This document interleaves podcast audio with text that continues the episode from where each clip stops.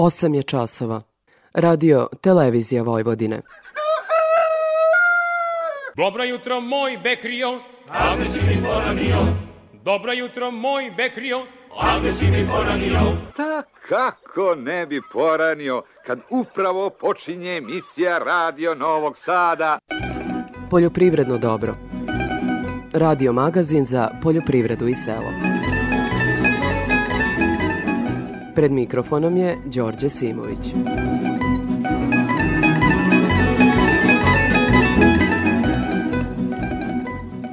Poštovani slušalci, dobro jutro. Skupa stočna hrana, smanjena potrošnja uzrokovana pandemijom i značajan uvoz, glavni su razlozi zašto su odgivači svinja u prošloj godini beležili gubitke. Nažalost, taj trend je nastavljen i u ovoj godini, pa mnogi odustaju od proizvodnje tovljenika. Cena stočne hrane najviše utiče na profitabilnost proizvodnje svinja – Podsjetimo se da je kukuruz pre 3 godine bio 12 dinara, a danas je bezmalo 30 dinara. Sojina sačma je bila 36 dinara, sada je skoro 80 dinara. Nebojša Radić na svom gazdinstvu u Bačkom Brestovcu sam proizvodi svu stočnu hranu i uprkos tome ne može da bude profitabilan u tovu svinja. Zato poput mnogih prestaje da se bavi tim porodičnim poslom koji je odhranio generacije Radića. Ljudi jednostavno beže od tova ljudi koji su do sada kupovali prasad za to nisu sigurni više u šta da, u šta da, da ulažu i šta da rade. Gledajući po sebi, ja sam u zadnjih šest meseci e, prodao 10 krmača, bukvalno koje su bile fantastične, baš iz tog razloga što nisam znao šta ću sa prasadima i sa tovljenicima. Ostavit ću par komada samo čisto za sebe da imam i to je, mislim, kraj proizvodnje što se mene tiče. Sekretar odbora Udruženja za stočarstvo i preradu stočarskih proizvoda Prirodne komore Srbije Nenad Budimović kaže da smo lane povećali uvoz svinskog mesa iz Evropske unije. Ono je sve jeftinije pošto je evropskim proizvođačima propao izvozni aranžman sa Kinom i sada se oslobađaju zaliha. 21. godine smo mi uvezli 25.500 tona mesa, po nekih, e, za neki 55 miliona evra, a 20. godine smo uvezli 21.000 tona za istu količinu novca. Znači nekih 4000 tona manje, oko 4 miliona kila, što nije malo, za, za isti novac. Pudimović kaže da naše sveže svinsko meso ne može biti cenovno konkurentno na tržištu Evropske unije. Šansu izvozu ima naše meso sa višom fazom prerade, poput kulena, šunke i fermentisanih kobasica. Nažalost, lane smo ovih proizvoda izvezli u vrednosti 56 miliona evra, a uvezli za 74 miliona evra, tako da i u ovoj kategoriji beležimo deficit. Sve manje jedemo svinskog mesa, prosečno svega 16 kg godišnje po stanovniku, a ovaj minus se nadoknađuje jeftinijim pilećim mesom. O svemu ovome govorit ćemo u temi emisije –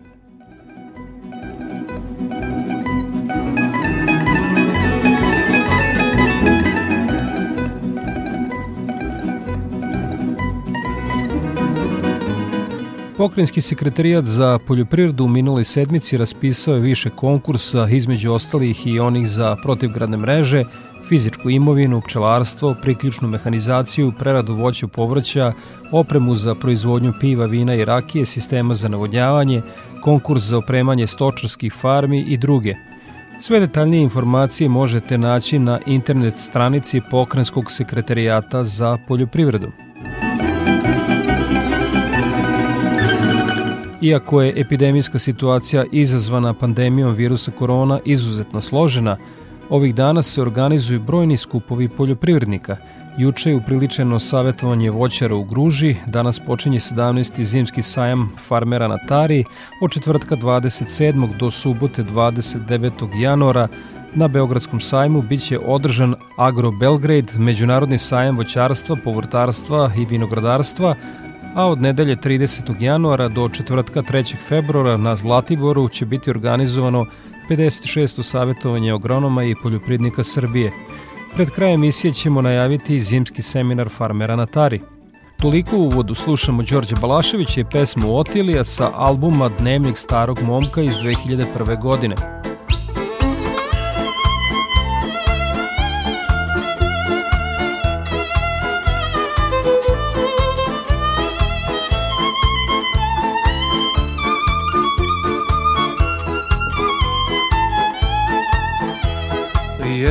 Se sećam dvanaest zvončića na njenoj bluzici. Sam je crni đavo poturio note muzici. Vrtela prstić oko dugmeta Starija je sestra bdila kao ukleta. Obećali kući da će doći i pre ponoći Jedna da se sećam prvih peče slova njenog imena. Mesec nešto fleka ko stara trumpeta limena. Vitlao Božić, jata zvezdana. Mrznuo je Dunav nizvodno od bezdana. A u našem kraju lepih seka iznad proseka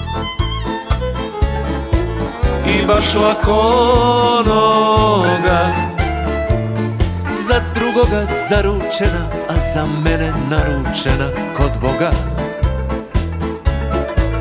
Moja lepotuška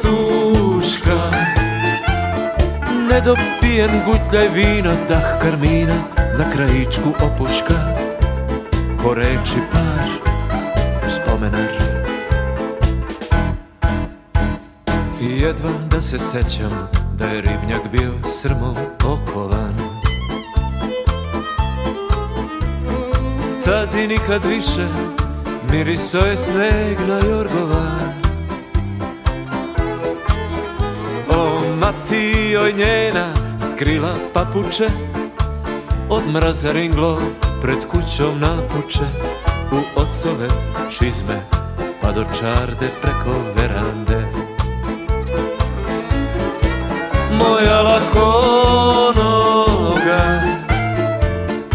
Za drugoga zaručena A za mene naručena kod Boga. Moja lepotuška Nedopijen gutljaj vina Dah karmina na krajičku opuška I teški lom u srcu mom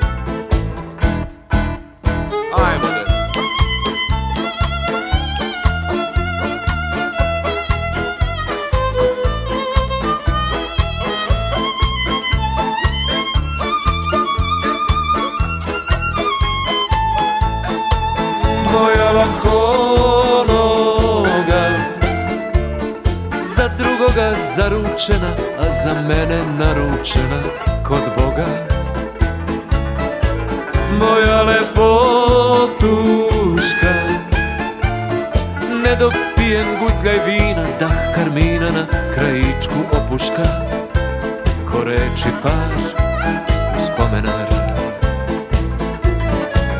moja lakonoga Za drugoga zaručena, a za mene naručena kod Boga. Moja lepotuška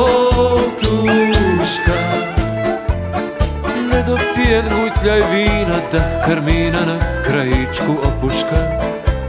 I teški lom u srcu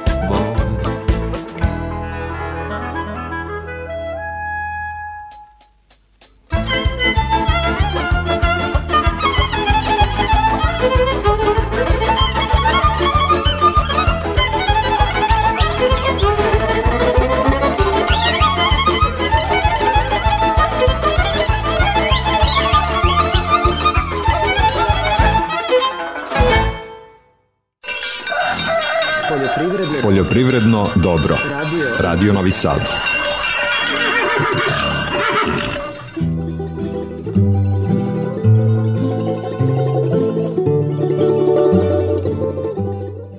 U nastavku poljoprivrednog dobra sledi detaljnija agroprognoza Srđana Milakara iz Hidrometeorološkog zavoda Srbije.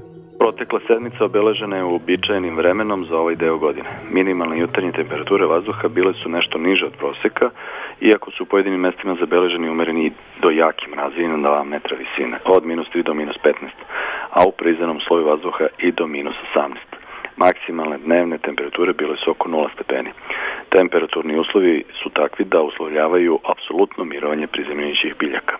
Tokom proteklih sedam dana bilo je snežnih padavina na celoj teritoriji Srbije, pri čemu je formiran snežni pokrivač visine od 2-3 cm do 35, koji je predstavljao dobru termozaštitu pri pojavi jakih mrazeva. Za vreme zimskog perioda, pored prisustva u skladištima, mogu se javiti gubici od lodara i na otvorenom polju. Pritom, najveće štete pričinjavaju zečevi u zasadi mladog voća. Ako se voćnici nalaze u blizini šuma, štete su česta pojava, posebno kad je visok sneg. Oštećenja nastaju glodanjem kore stabala mladih voćaka, ponekad vinova loze. Što se prognoze tiče, za dane vikenda, najpre u subotu se očekuje jače prolazno oblačenje, ali će se zadržati uglavnom suvo vreme. U nedelju bi bilo malo do umereno oblačno. Za dane vikenda dnevna temperatura bi bila oko iznad e, proseka za ovo doba godine. Od ponedeljka prognozira se umereno do potpuno oblačno vreme, uz postepen pad temperature i u pojedinim danima sa kišom i snegom. Krajem naredne sedmice bilo bi hladno, mestimično sa snegom. Za Radio Novi Sad, Srđan Milakara, Hidrometeoški zavod Srbije. O prometu žitarica na produktnoj berzi više Anje Jakšić. Rast cena kukuruza i soje i stabilan cenovni nivo pšenice karakterišu aktuelnosti na tržišnoj ceni primarnih poljoprivrednih proizvoda u protekloj nedelji na Novosudskoj produktnoj berzi. Kukuruz je tokom protekle nedelje zabeležio uzlazni trend. Usled suzdržanosti prodavaca izostale su ponude većih količina. Ova žitarica je tokom nedelje imala konstantan rast te se cena kretala od 26 dinara 10 para do 26 dinara 30 para po kilogramu na paritetu FCA. Krajem nedelje tražnja na višem cenovnom nivou od realizovanih nije rezultirala zaključenjem berzanskog ugovora. Na paritetu CPT trgovano je u rasponu od 26 dinara 60 para do 26 dinara 90 para po kilogramu bez PDV-a. Kukuruz sa povećanim procentom vlage realizovan je po ceni od 25 dinara 50 para po kilogramu. Osim na domaćem tržištu, ovakav cenovni trend prisutan je i na stranim tržištima. Ponderisana cena iznosila je 26 dinara 22 pare po kilogramu bez PDV-a, što predstavlja rast od 2,48%. Soja je bila najtraženija roba na berzanskom tržištu. Pojačana tražnja od strane domaćih prerađivača i trgovaca koja je bila prisutna još od sredine prošle nedelje dovela je do uzlaznog trenda od 2,50%. Posle dužeg vremena ponuđene su veće količine ove uljarice. Kupoprodajni ugovori su zaključeni od 74 do 74,70 dinara po kilogramu bez PDV-a uz obračun kvaliteta. Ponderisana cena iznosila je 74 dinara 46 para po kilogramu, te u odnosu na prethodni upoređujući podatak soja je poskupela 2,56%. Na tržištu pšenice registrujemo cenovnu stabilnost. Početkom nedelje trgovanje je bilo na cenovnom nivou od 31 dinar 50 para po kilogramu, da bi krajem nedelje svi berzanski ugovori bili zaključeni po ceni od 31 dinar po kilogramu bez PDV-a. Cenovne promene u odnosu na prethodnu nedelju kretale su se u okviru svega plus 0,27%. Strukturu kupaca su učinili trgovci, dok s druge strane interes izvoznika i domaćih prerađivača nije bio naglašen za kupovinom. Na robno-berzanskom tržištu ponuda ove žitarice je bila veća u odnosu na tražnju. Ponderisana cena iznosila je 31 dinar 18 para po kilogramu bez PDV-a. Sa produktne berze Anja Jakšić. Nakon izveštaja sa produktne berze, Gordana Jeličić iz Infotim Logistike obavestit će nas o trendovima na tržištu stoke. Sve cene su bez uračunatog poreza na dodatu vrednost.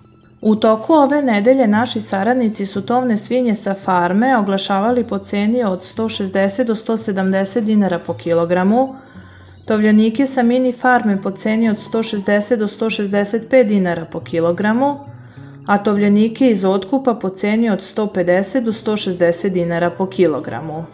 Povratno što dobijamo od većine naših saradnika da su utovari za ovu nedelju bili na cenu 160-165 dinara po kilogramu. Za iduću nedelju od strane klaničara dobijamo informaciju da su nabavke svedene na minimum i da će nivo cena u pregovorima biti do 160 dinara po kilogramu. Ponuda jagnjadi oglašena je po ceni od 370 do 375 dinara po kilogramu, a ovce za klanje su nuđene po ceni od 138 do 140 dinara po kilogramu. Beležimo više nivo cena u oglasima za jagnjat zbog smanjene operativnosti robe na terenu. U toku nedelje prasaca farme oglašena su u rasponu cena od 270 do 280 dinara po kilogramu, prasaca mini farme po cenama od 265 do 277 dinara po kilogramu, a prasad iz otkupa po ceni od 250 do 270 dinara po kilogramu. U ovom periodu je i dalje povećana potražnja za prasadima za klanje, mada su oglašivači počeli da postavljaju oglase i za prasad za dalji tov. Ponude bikova Holstein oglašena je po ceni od 255 do 265 dinara po kilogramu, a bikova simentalaca po ceni od 275 do 280 dinara po kilogramu. Bez bitnih promena kada su junad u pitanju. Cene su izražene bez PDV-a. Za Radio Novi Sad, Gordana Jeličić iz Info Team Logistike. Vreme je za muziku. Slušamo pesmu za sva vremena, bit će skoro propast sveta. Biće skoro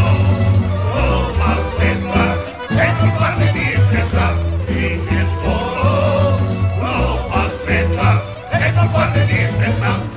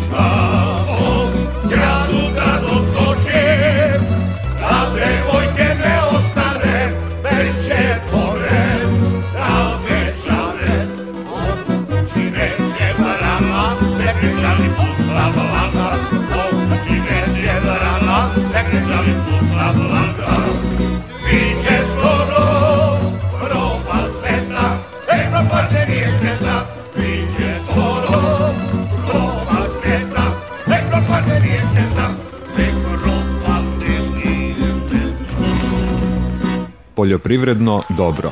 Radio Novi Sad. Kako javlja naša dopisnica Marija Trišić-Knežević, ozimi usevi na teritoriji Plandišta, Bele crkve i Kovina, koju pokriva poljoprivredna stručna služba Agrozavod Vršac, za sada dobro izgledaju. Da bi prinosi bili optimalni, neophodno je da se adekvatno prihrane. Svetodavac u Agrozavodu Eugen Baba kaže da je važno da se to uradi i uprkos previsokoj ceni azotnih đubriva.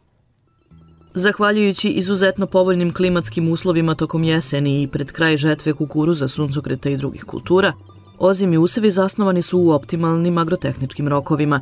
To je doprinelo da na 90% površina pšenica, ječam i uljana repica u zimu uđu dobro razvijeni i pripremljeni. Imamo niske temperature, ali ne ekstremne, to su temperature minus 3, minus 5, kako gde i ovaj sneg sigurno će da zaštiti useve od tih, ovaj, tih mrazeva, mada kažem, pored e, zaštite od mrazeva sigurno je da je ovo dobro došlo ako u vidu nekih padavina koje će ovaj, sigurno da poboljšaju sam, samo kretanje vegetacije u, u nastavku tamo u martu mesecu ili krajem februara. Sada je vreme za prihranu pšenice, koju su neki već i obavili ureom, ali su mnogi proizvođači u nedoumici zbog visokih cena mineralnih, azotnih i kompleksnih đubriva, što može uticati na količinu primenjenih sredstava. Sručnjaci ipak preporučuju da se sa time ne kalkuliše mnogo, da ne bi bilo posledica po prinose. Mislim da motiviše cena koja je u najavi za ove ozime kulture, pa čak i za prolećne kulture, s obzirom da sad je ovaj, vreme kad se planira plodored, kad se nabava, nabavlja repromaterijal, sigurno da te cene u nekoj kalkulaciji opravdaju i ove cene visoke inputa koje su ovaj, određene za zasnivanje kultura, tako da kažem, nadam se da neće biti nekih niskih prinosa u, u, u konačnom delu proizvodnje. S druge strane, zbog najavljene dobre cene otkupa, površine pod ozimim kulturama na ovoj teritoriji nešto su veće nego ranijih godina, što će doprineti da i kulture koje u plodoredu dolaze nakon pšenice imaju bolje prinose, predviđaju iz poljoprivredne stručne službe Agrozavod.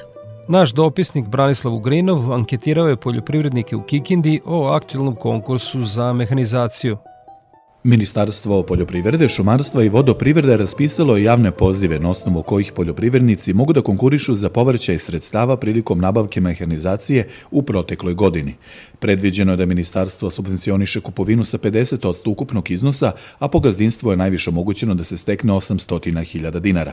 Evo šta o tome kaže Radivoj Lagunđin, vlasnik rasadnika konkurišemo za povraćaj, to je e, mučer traktorski jedan i pumpa za navodnjavanje. Ono što želimo u ove godine takođe da konkurišemo na ovim konkursima koji će izlaziti, to je za nabavku isto opreme za navodnjavanje i a, hoćemo da opremimo još jedan bunar. Mogu da konkurišu svi poljoprivrednici koji u svom posjedu imaju do 50 hektara zemlja, a priliku da obnove mehanizaciju imaju i stočari poput Dušana Sivčeva, poljoprivrednika iz Kikinde. Ne kažem, mehanizacija je nikad dosta. Da bi se lakše, brže radilo i stvaralo, mora da se radi više, i prema tome znači treba mehanizacija pouzdana. Priliku da proizvodnju podignu na više nivo imaju i poljoprivrednici koji se bave vinogradarstvom, tako da će konkretno iđoški vinogradari u narednom periodu konkurisati za nabavku sadnog materijala, podsjeća Branislav Brojčin iz udruženja vinara Šasla.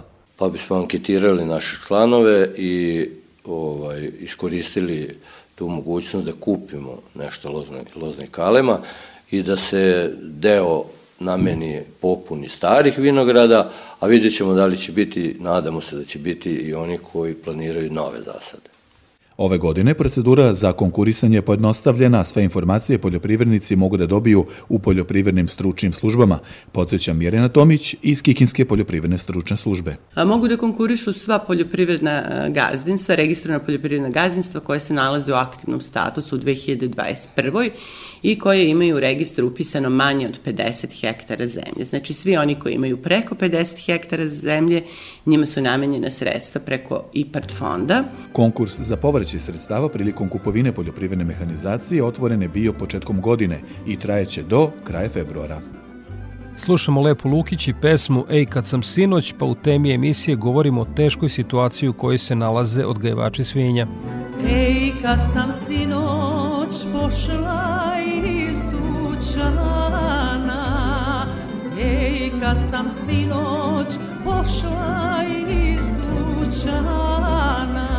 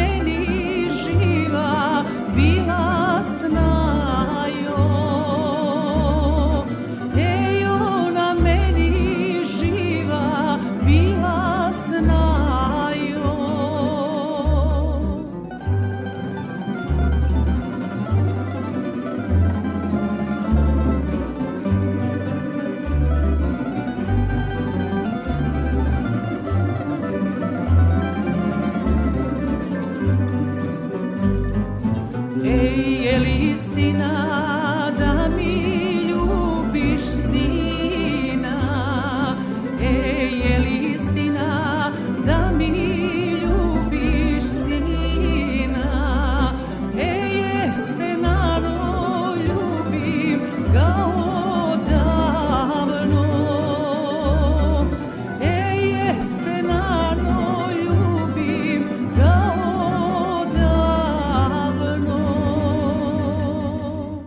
Tema emisije. Skupa stočna hrana, smanjena potrošnja, uzrokovana pandemijom i značajan uvoz glavni su razlozi zašto su odgajivači svinja već drugu godinu na ivici rentabilnosti. U domu Radiće u Bačkom Brestovcu generacijama proizvode prasad i odgajaju tovljenike. Realnost je da će smanjiti proizvodnju i od robnog proizvođača preći u kategoriju proizvodnje za sobstvene potrebe.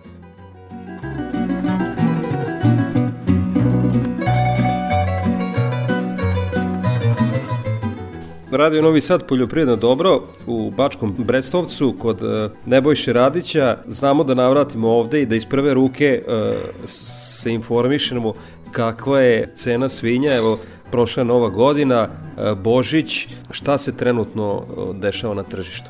Da li ima otkupa i po kojoj ceni? Otkup je stao bukvalno, otkup tovljenika je stao, prasadi se još nešto malo prodaje, ljudi jednostavno beže od tova ljudi koji su do sada kupovali prasad za to nisu sigurni više u šta da, u šta da, da ulažu i šta da rade. I tako da će se verovatno pojaviti jedan možda broj prasadi viška, u stvari neće, pošto ja gledajući po sebi, ja sam u zadnjih šest meseci prodao 10 krmača, bukvalno koje su bile fantastične, baš iz tog razloga što nisam znao šta ću sa prasadima i sa tovljenicima. Sad imam neki 60 komada tovljenika koji dolaze za nekih mesec dana Koja će cena biti, ne znam. Po svemu sudeći i ovaj ostali deo krmača koji je ostao će i takođe ići na prodaju. Ostavit ću par komada samo čisto za sebe da ima. To je, mislim, kraj proizvodnje što se mene tiče. Jer više jednostavno ne vredi. Jednostavno ne vredi da se ja borim protiv nelojalne konkurencije iz inostranstva. Da probamo rečniku matematike da kažemo i kada se pojavi otkup tovljenika, e, kilogram je ta cena, a koliko vas taj kilogram košta u da zanemarimo rad samo u troškovima hrane i veterinarskih usluga. Eto, ja malo imam sreće, pošto veterinarske usluge jako redko koristim, imam jako zdrav zapad, krmače mi nisu u klještenjima ni u boksovima, nego su slobodne, čak i pri prašenju su slobodne. Znači ja ako budem morao da e, stavim krmaču u klištenje, ja je neću držati. E, svugde u svetu se kreće ka tom nekom prirodnom držanju svinja. Svinja je jedna od najinteligentnijih životinja. Čak su zabranili držanje kokošaka i pilića u kavezima, onima nosiljama, čisto zbog dobrobiti životinja, a i dalje se drže krmači u klještenjima, znate, kada imate na 10 metara 20 krmača. Da li vi mislite da ta krmača može biti dobra, zdrava ili bilo šta drugo? Ne može jednostavno. Ona će dati zapad svoj, e, ona će dati prasad e, koja će biti na tako maloj količini prostora, e, koja će morati, bukvalno su na rešetkama, to je jako velika količina bakterija. Ta prase mora puno antibiotika da pojede da bi u stvari bilo zdravo. U stvari nikad nije zdravo. Ono je samo nakljukano antibioticima. E, dakle... Antibiotike jedu ljudi, shvatite. Oni se talože u organizmu, u kostima i u svemu ostalom. I to se jede posle. E, vaša pro, proizvodnja je sve samo ne to, dakle u mnogo zdravijem okruženju objektima e, su i krmače i prasade i tovljenici, e, dakle da se vratimo na onu matematiku, proizvodnja tog kilograma vas košta toliko, izuzetnog kvaliteta, a e, otkupljivač je spreman da vam plati koliko? Trenutna cena, ja sam pravio neku računicu, mene košta oko 180 dinara kilogram. Od mog kukuruza, moje pšenice, moje soje. Jer ja isključivo ono što proizvedem na svojoj njivi e, prerađujem i pravim sam hranu za njih. Normalno uz dodatak premiksa i još nekih suplemenata koje ubacujem u tu hranu da bi e, se postigao neki optimalni unos vitamina i minerala u, u toj hrani. Znači, mene košta oko 180 dinara. Cena trenutno, ja vidim ovde na otkupu je od 160 do 170 dinara. Zbog čega bi ja radio to? Znači, srpski rešeno, sa svakim proizvedenim kilogramom vi ste u sve većem gubitku. Apsolutno, baš tako. Zato kažem, sad, e, ne možete se vi rešiti toga odjednom. E, ali ja sam krenuo da smanjujem. Znači u zadnjih 6-7 meseci sam 10 krmača prodao, ostao sam još na nekih 7-8 krmača i u narednom periodu ću verovatno ostati na 3 ili 4 krmače i mislim da je to kraj proizvodnje što se tiče same proizvodnje. Dakle, vaša porodična priča, ovo je pre svega e, priča jednog porodičnog gazdinstva, uspešno koje s generacije u generaciju tovi svinje. Kakva je ovde situacija u selu u e, Bačkom Brestovcu? Da li i drugi odgajivači idu vaše stopama? Pa većina. Pa mnogi ljudi koji su do sada držali po jednu, dve krmače, apsolutno su uništili svoju proizvodnju. Jer kaže, meni se kaže ne isplati da radim, kaže meni je jeftinije da kupim, kaže gotovo nego da, ovaj, nego da ga sam tovim. A šta mislite kako je meni onda koji tovim? I za prodaju da živimo od toga. Ja iskreno kažem da ja ne proizvodim sam hranu, da nemam e, proizvođačku cenu hrane, ja jednostavno ne bi ni ovoliko trpio. Ali kažem, imam tu neku proizvođačku cenu hrane i iskreno došao sam do tih nekih rezultata koji su fantastični što se tiče e, krmača, prasadi, po, broj prasadi po krmači, konverzija hrane koju imam i moram napomenuti još jednu stvar, kod mene su svi na slami. Znači, od krmača, prasadi do tovljenika do kraja. Svi su na slami. Znači, ništa nije na rešetkama. Hoću to da napomenem i znači sve je uredno, čisto, jako zdrav zapad, bez bolesti, bez ičega izuzetnog kvaliteta, ali jednostavno ne mogu dalje. I ostaje, e, dakle, da sada skidate kajmak bar određeno neko vreme na u, uljaricama i žitaricama koje proizvedete, pošto evo vidimo da je dugoročno visoka cena tih proizvoda. ja iskreno da vam kažem to što je dugoročno, ja sam stvarno prošle godine je bila dosta loša godina, ja sam imao dosta dobre rezultate i pšenice, nikad nisam imao više pšenice nego što sam imao, soja je bila relativno dobra i kukuruz je dosta dobro poneo, mada je ovde bio dosta kvaran, ja sam imao jako dobar i zdrav kukuruz, normalno, opet kažem, moje svinje jedno moje kukuruz i pšenicu i sve ostalo. I e, bukvalno nemam ništa od toga što su dobre cene toga kad ih provlačim kroz svinje. E, evo, skoro 30% svega što sam skinuo prošle godine su svinje pojele, još 30%, bar ćete stati zadnjih 30% nešto uraditi tamo negde posle maja meseca, juna otprilike šta da radim. To ću možda prodati što se tiče samih uljarica i toga, jer sve sam skladištio kod kuće. To je realnost. Apsolutno. Nebojša Radić, Bački Breštovac za Radio Novi Sad. E, hvala vam i želim vam sve najbolje u ovoj 2022. godini. Takođe, i vama sve najbolje i bez kralja ne valja. Nakon uh, proizvođača i odgajivača uh, svinja iz Bačkog Brestovca Nebojše uh, Radića u stanju u ovom sektoru uh, popričat ćemo sa Nenadom Budimovićem, sekretarom odbora Udruženja za stočarstvo i preradu stočarskih proizvoda Privredne komore Srbije. Gospodine Budimoviću, dobar dan i hvala vam što govorite za Radio Novi Sad. Dobar dan, sa velikim zadovoljstvom. Kukuruz je pre tri godine bio 12 dinara, a danas je skoro 30 dinara. Sojna sačma je bila 36-37 dinara, sada je blizu 100 dinara. Kako da proizvođači uopšte budu profitabilni u takvim uslovima pri takvom ceni inputa?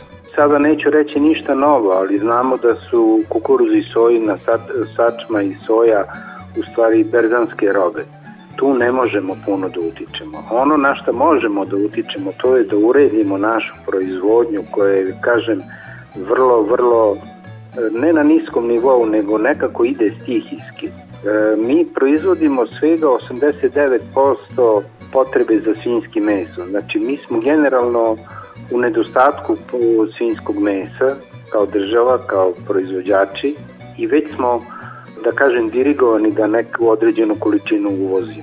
E sad, e, sve ove faktore koje sam nabrojao u razvijenim stočarskim zemljama manje su uticali nego u Srbiji, tako da, na primjer, u onom trenutku kad je Kina prestala da uvozi svinsko meso u jednom delu godine, prošle negde sredinom godine, prestala je Kina da uvozi svinsko meso iz Nemačke, to se automatski osetilo e, na na cenama mesa, na cenama mesa koje se proizvode u Evropskoj uniji. Sva sreća pa je taj period kratko trajao, jer onda se naši prerađivači kao i svuda najviše odlučuju na uvoz. Znamo da su favoriti u proizvodnji svinskog mesa Španija, Nemačka, Danska, Holandija i tako dalje. I oni imaju strašno intenzivno visoku proizvodnju i to je proizvodnja koja ne može da se zaustavi, da kažemo, znate šta, sad imamo na lageru toliko i toliko i više nam ne treba, pa ćemo da vidimo za dva meseca. Živa stvar, kažem, ništa novo ne govorim, e, živa stvar je proizvodnja svinskog mesa, odnosno tovljenika i to je proizvodnja koja mora da završi svoj ciklus. E sad, ono što je bitno, to je da li će farmeri naši da se odluče posle jedne, na primer, lošeg perioda u smislu cena, da nastave proizvodnju, e tu nastaju ti pikovi.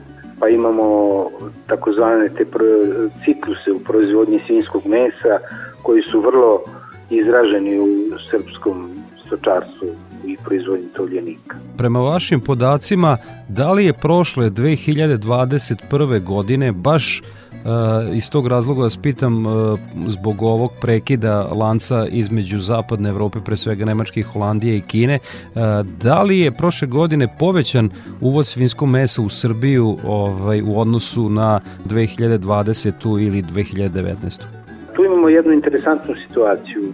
Povećana je, količinski je povećana uvoz svinjskog mesa, ali vrednostno nije to nam govori da upravo o tom padu cena. Tako da 21. godine smo mi uvezli 25.500 tona mesa po nekih, za neki 55 miliona evra, a 20. godine smo uvezli 21.000 tona za istu količinu novca.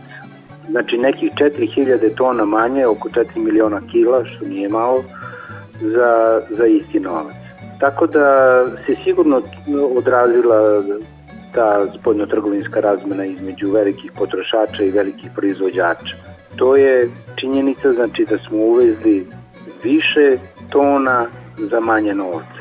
A koliko se uopšte, evo da budemo, da ukrstimo ove podatke, e, godišnje potroši svinskog mesa u Srbiji? Mi proizvedemo negde oko 300.000 tona, a potrošnja svinskog mesa izađe na nekih 16 17 kg po stanovniku. Tako da je to pad u potrošnji svinjskog mesa, jer je određeni procenat zauzelo pileće meso, koje je, rekao bih, u ekspanziji u smislu potrošnje, tako da se pilećeg mesa troši negde oko 18 kg po glavi stanovnika i tih 2 kg što je bilo ranije u korist svinskog mesa, sada je u korist pilećeg mesa, ta razlika od 16 do 18 prateći portale koji su za dobar deo naših e, građana osnovni e, izvor informisanja, uglavnom kada reč o, o, o svinjarstvu i svinskom mesu e, zatrpavaju nas bombastični naslovi da mi iz Evropske unije kada reč o svinskom mesu uvezemo ono što je najnekvalitetnije. Da li je tu istina i da li su rađena neka istraživanja u, u tom pogledu? E, ja se apsolutno ne bih složio sa, sa tom rekao bih informacijom, činjenice su potpuno drugačije. Sigurno da postoji mogućnost da se odredi kvalitet. E sad o čemu možemo da pričamo? Možemo da pričamo o tome što su životinje koje su gajene u Evropskoj uniji hranjene genetski modifikovano sojinom sačmom, na primjer u hrani za životinje, a kod nas je zabranjena upotreba. Tu možemo da, da radimo na, na dokazivanju kvaliteta. Da li je meso ovakve boje, da li je više vode, da li je bled, bledo, da li je mramorirano i tako dalje i tako dalje. Znate i sami da je selekcija u svinjarskoj proizvodnji išla na to da imamo što više mesa. Sada se trendovi menjaju i govori se o tome da svinja, odnosno tovljenik, mora da ima određenu količinu masnog tkiva. To mu daje kvalitet. Tu imamo taj mramorirani izgled mesa, na primjer na, kad govorimo o delu trupa kao što je krmenadlo, pa imamo one bele linijice. To daje sočnost i, i ukus i tako dalje. A naša proizvodnja se upravo karakteriše tim kvalitetom. E, ne bih e, mogu da komentarišem da li je meso ispravno ili nije ispravno, to imamo zadužene nadležne organe u Ministarstvu poljoprivrede, to je uprava za veterinu, imamo graničnu veterinarsku inspekciju, imamo inspekciju koja tržišna, koja radi kontrole i ja bih samo poređenje u kvalitetu ovo što sam naveo, tu mogli da, da definišemo i da na taj način našim potrošačima kažemo zašto je naše meso u trgovinama, kad kažem naše, mislim na proizvođače u Srbiji, e, da kažem kvalitetnije, što ima i ukus i miris. Sagovornik u programu Radio Novog Sada, sekretar odbora Udruženja za stočarstvo i preradu stočarskih proizvoda Prirodne komore Srbije, e, Nenad Budimović. E, dakle, prestali smo da vakcinišemo svinje e, protiv svinske kuge. Da li je to uticalo na izvoz i koliko uopšte mi izvozimo i koje kategorije svinskog mesa? Sirovo, prerađeno, verovatno u Privrednoj komori imate i te podatke. Da, naravno. Kada govorimo o prestanku vakcinacije protiv klasične kuge svinja, koja je bila pre nekih e, tri ili četiri godine, sada ne bih tačno mogu da kažem datum, ali ne menja ništa, tu su termini vrlo bliski, tako da e, poslednja vakcinacija kada se uradi treba da prođe tri godine da nema novih slučajeva pojave klasične kuge svinja, da bi jedna država dobila status da je slobodna od te bolesti i da u ovom slučaju može da plasira svoje proizvode kada govorimo o Evropskoj uniji. E, mi taj status ove godine dobijamo, ja se nadam da neće biti pojave bolesti i to nam daje mogućnost da uđemo kompoziciju koja ide ka Evropskoj uniji. Koliko smo mi konkurentni, to je veliko pitanje, pogotovo sa, sa mesom. Znači moramo da idemo na višu fazu prerade, na specifične proizvode, na proizvode sa dodatnom vrednosti. Čak ni kategorija barenih proizvoda, kobasica kao što su e, viršle, parizeri, razne vrste kobasica koje prolaze tretman, nisu konkurentne. Nama je u proizvodnji i u izuzu konkurenta kulen, šunka i fermentisane kobasice kako god se one deklarisale. Tako da mislim da nemamo šta da tražimo kao država sa izvozom svinskog mesa. Mi smo prestali da izvozimo svinsko meso i u Rusku federaciju zato što je Rusija postala proizvođač koji može da obezbedi svinsko meso za sobstvene potrebe i to za svega 4-5 godina. Mi smo do pre 4 godine izvozili nekih 5000 tona u Rusku federaciju. Kada govorimo o izvozu svinskog mesa, ovo što sam rekao potvrđuje činjenica da smo od 21. godine izvezli svega 1100 tona svinskog mesa u CEFTA region. Vrednost svega 2,5 miliona.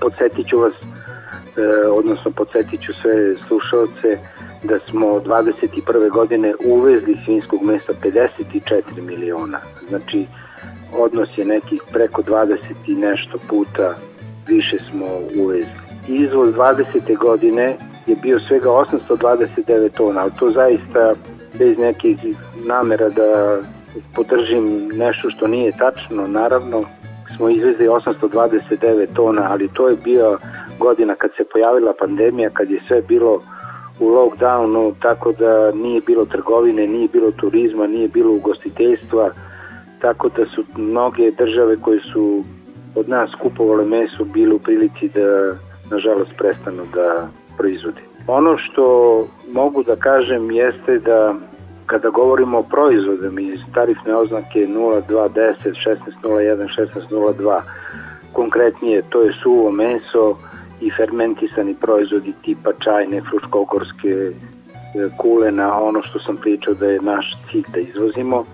Izvoz e, u 21. godini je bio nekih 56,4 miliona evra i to je za nekih milion, odnosno nekih pola miliona evra više nego 20. godine. E, destinacije u koje smo izvozili, izvezli smo 5,1 milion evra u Rusku federaciju tih proizvoda od svinskog mesa, u CEFTA region 34,3 miliona evra i u države Europske unije nekih 16,5 miliona evra. Radi poređenja, uvoz ovih proizvoda koje sam pričao 21. godine smo uvezli 74,1 miliona evra. Znači neki 20 miliona evra više nego što smo izvezli. Tu je prostor da zadovoljimo, na primjer, prvenstveno sobstveno tržište, ali prvenstveno cenovno i kvalitetom i da naši potrošači, naši građani, svi mi zajedno, kada imamo izbor u nekom trgovačkom lancu, u nekom hipermarketu, uvek pružimo ruku ka domaćem proizvodu jer je zaista kvalitetni to sa činjenicama govori. I evo za kraj razgovora da popričamo još jednoj temi koji se godinama govori nikako da se ne sprovede. Šta sprečava da se kod nas plati kvalitet? U čemu je problem da bude obaveza da se plati mesnatost na liniji klanja? Dakle, da proizvođači koji proizvedu kvalitetnijeg tovljenika dobiju i za njega veći novac, a da to bude pod državnim monitoringom. Ja pravi odgovor ne mogu da vam kažem jer ga ne znam. Ja takođe ne vidim razlog da ne može da se donese pravilnik o oceni kvaliteta trupova svinja na liniji klanja. E, možda razlog leži u tome što se naša proizvodnja svinja odvija u nekih 200.000 domaćinstava. To je veliki broj ljudi koji ne direktno, ali uglavnom zavisi od te proizvodnje postice koji bi se davali i ocena kvaliteta, verovatno nemamo na liniji klanja prilikom ocene mesnatosti, nemamo najpovoljnije, rekao bih, e, parametre da se plati to. A znate kako je, e, ta socijalna kategorija ljudi koja živi od toga, bolje moj da primi i 5000 ili 7000 za utovljenog tovljenika, nego da ne dobije ništa. Hoću da kažem da, kao i sa premijama za mleko, zašto se mleko ne plaća po kvalitetu? Zato što bi veliki broj proizvođača verovatno otpao, odnosno ne bi dobio određeni, određeni iznos koji mu tu proizvodnju do nekle čini rentabilnom ili je čini da nije na gubitku. Mi smo nekoliko puta insistirali kao institucija prema državnim organima da se donese taj pravilnik i sve je bilo bez problema da kažem da to treba, da to može, da je to perspektiva, ali nikako da, da se to uradi. Uvek korisne informacije od sekretara Odbora Udruženja za stočarstvo i preradu stočarskih proizvoda Prirodne komore Srbije Nenada Budimovića. Hvala vam puno na gostovanju u programu Radio Novog Sada. Hvala i vama, sve najbolje vam želim. Prijetno. Čuli smo viđenje stanja u sektoru svinjarstva sekretara odbora Udruženja za stočarstvo i preradu stočarskih proizvoda Prirodne komore Srbije Nenada Budimovića, pre njega je govorio odgajivač Nebojša Radić iz Bačkog Brestovca. Toliko u temi emisije slušamo Branka Kamenkovića i pesmu Salašu u Malom Ritu.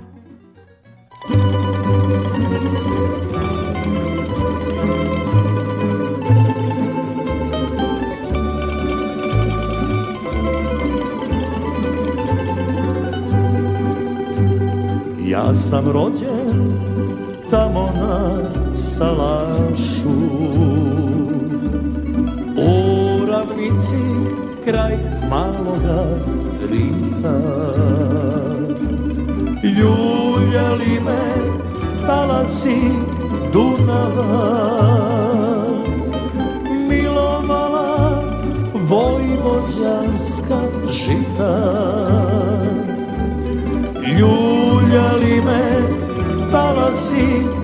Dunava Milovala vojvođanska žita. Tu se spaja Srem, Banan i Bačka. Tu se grle tri srca junačka. Tu i dete rodni salaš voli Tu se srce sa čelikom boli Tu i dete rodni salaš voli. Tu se srce sa čelikom boli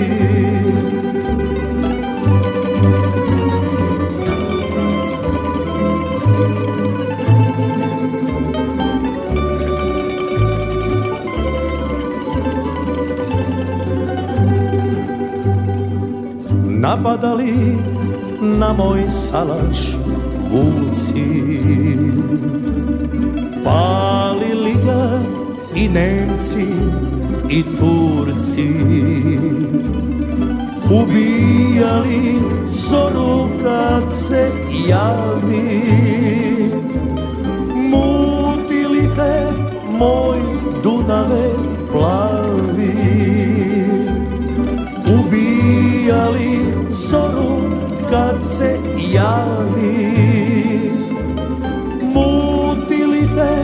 moj Dunave plavi Al krenut će svadbe sa salaša.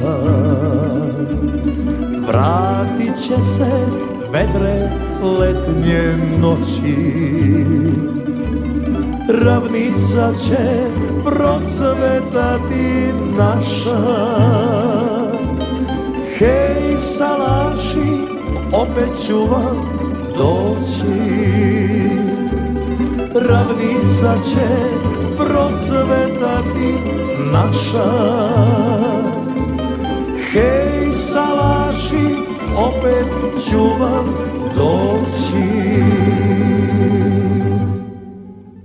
Od danas do subote 29. januara u hotelu Omorika na Tari će biti održan 17. zimski seminar farmera. O značaju tog skupa za Radio Novi Sad govorio je predsjednik kluba 105 Plus Vojislav Malešev. Seminar farmera na Tari po programu i po svemu i po učesnicima na predavanjima, po kvalitetu prisutnih poljoprivrednika je možda i najznačajnija manifestacija ovog tipa u Srbiji. Da se vratimo malo u istoriju, kako je sve započelo pre 20 godina? Pa tako što je pokojni profesor uh, Veselin Lazić došao na ideju da okupi poljoprivrednike u jedno udruženje, nazvano je klub 105 plus 100 znači za početak 100 poljoprivrednika, ono plus da primamo u, u članstvo sve poljoprivrednike koji su uh, voljni da, da uče nešto novo i koji su voljni da, da, da poslušaju malo i, i struku i nauku de, i iskustva poljoprivrednika koji, koji normalno su bolji od nas i koji ovaj to su počeli te nove tehnologije da primenjuju pre nas. Verovatno da bi nam trebalo i, i više od pola sata samo da pobrojimo teme e, koje će biti e, na ovogodišnjem seminaru, ali bih vas zamolio da izdvojite neke od njih.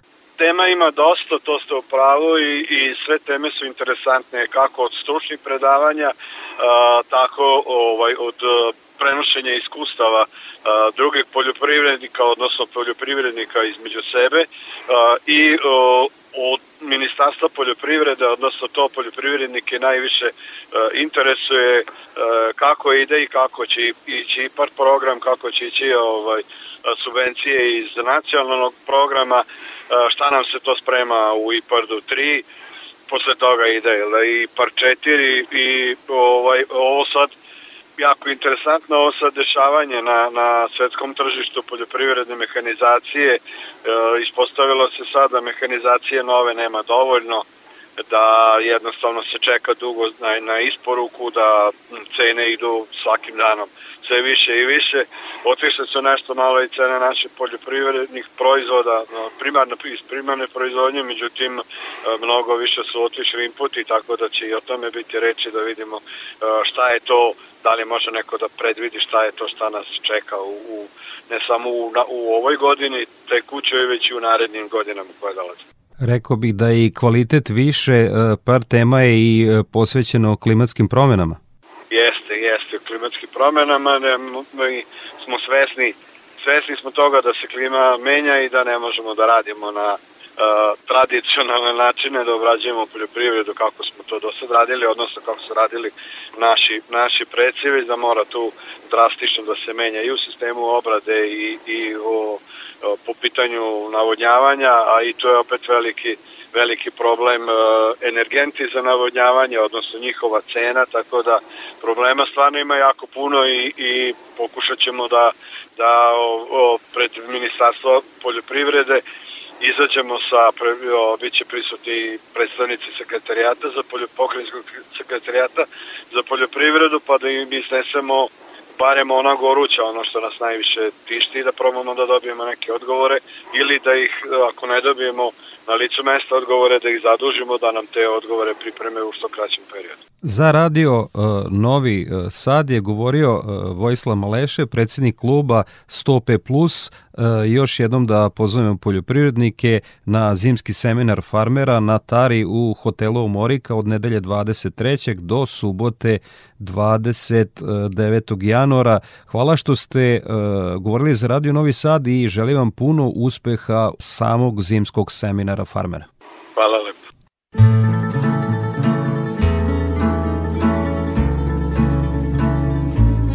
U nastavku poljoprivrednog dobra sledi detaljnija agroprognoza Srđana Milakara iz Hidrometeorološkog zavoda Srbije.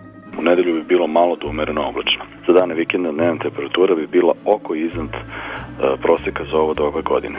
Od ponedeljka prognozira se umereno do potpuno oblačno vreme, uz postepen pad temperature i u pojedinim danima sa kišom i snegom. Krajem naredne sedmice bilo bi hladno, mestimično sa snegom. Toliko poštovani slušaoci u ovom izdanju Poljoprivrednog dobra radio magazina za poljoprivredu i selo javne medijske ustanove Vojvodine. Ja sam Đorđe Simović i pozivam vas da ostanete uz Radio Novi Sad. Vašoj pažnji preporučujem ekološki magazin pod staklenim zvonom koji je na programu na Konvestiju 9. Svako dobro.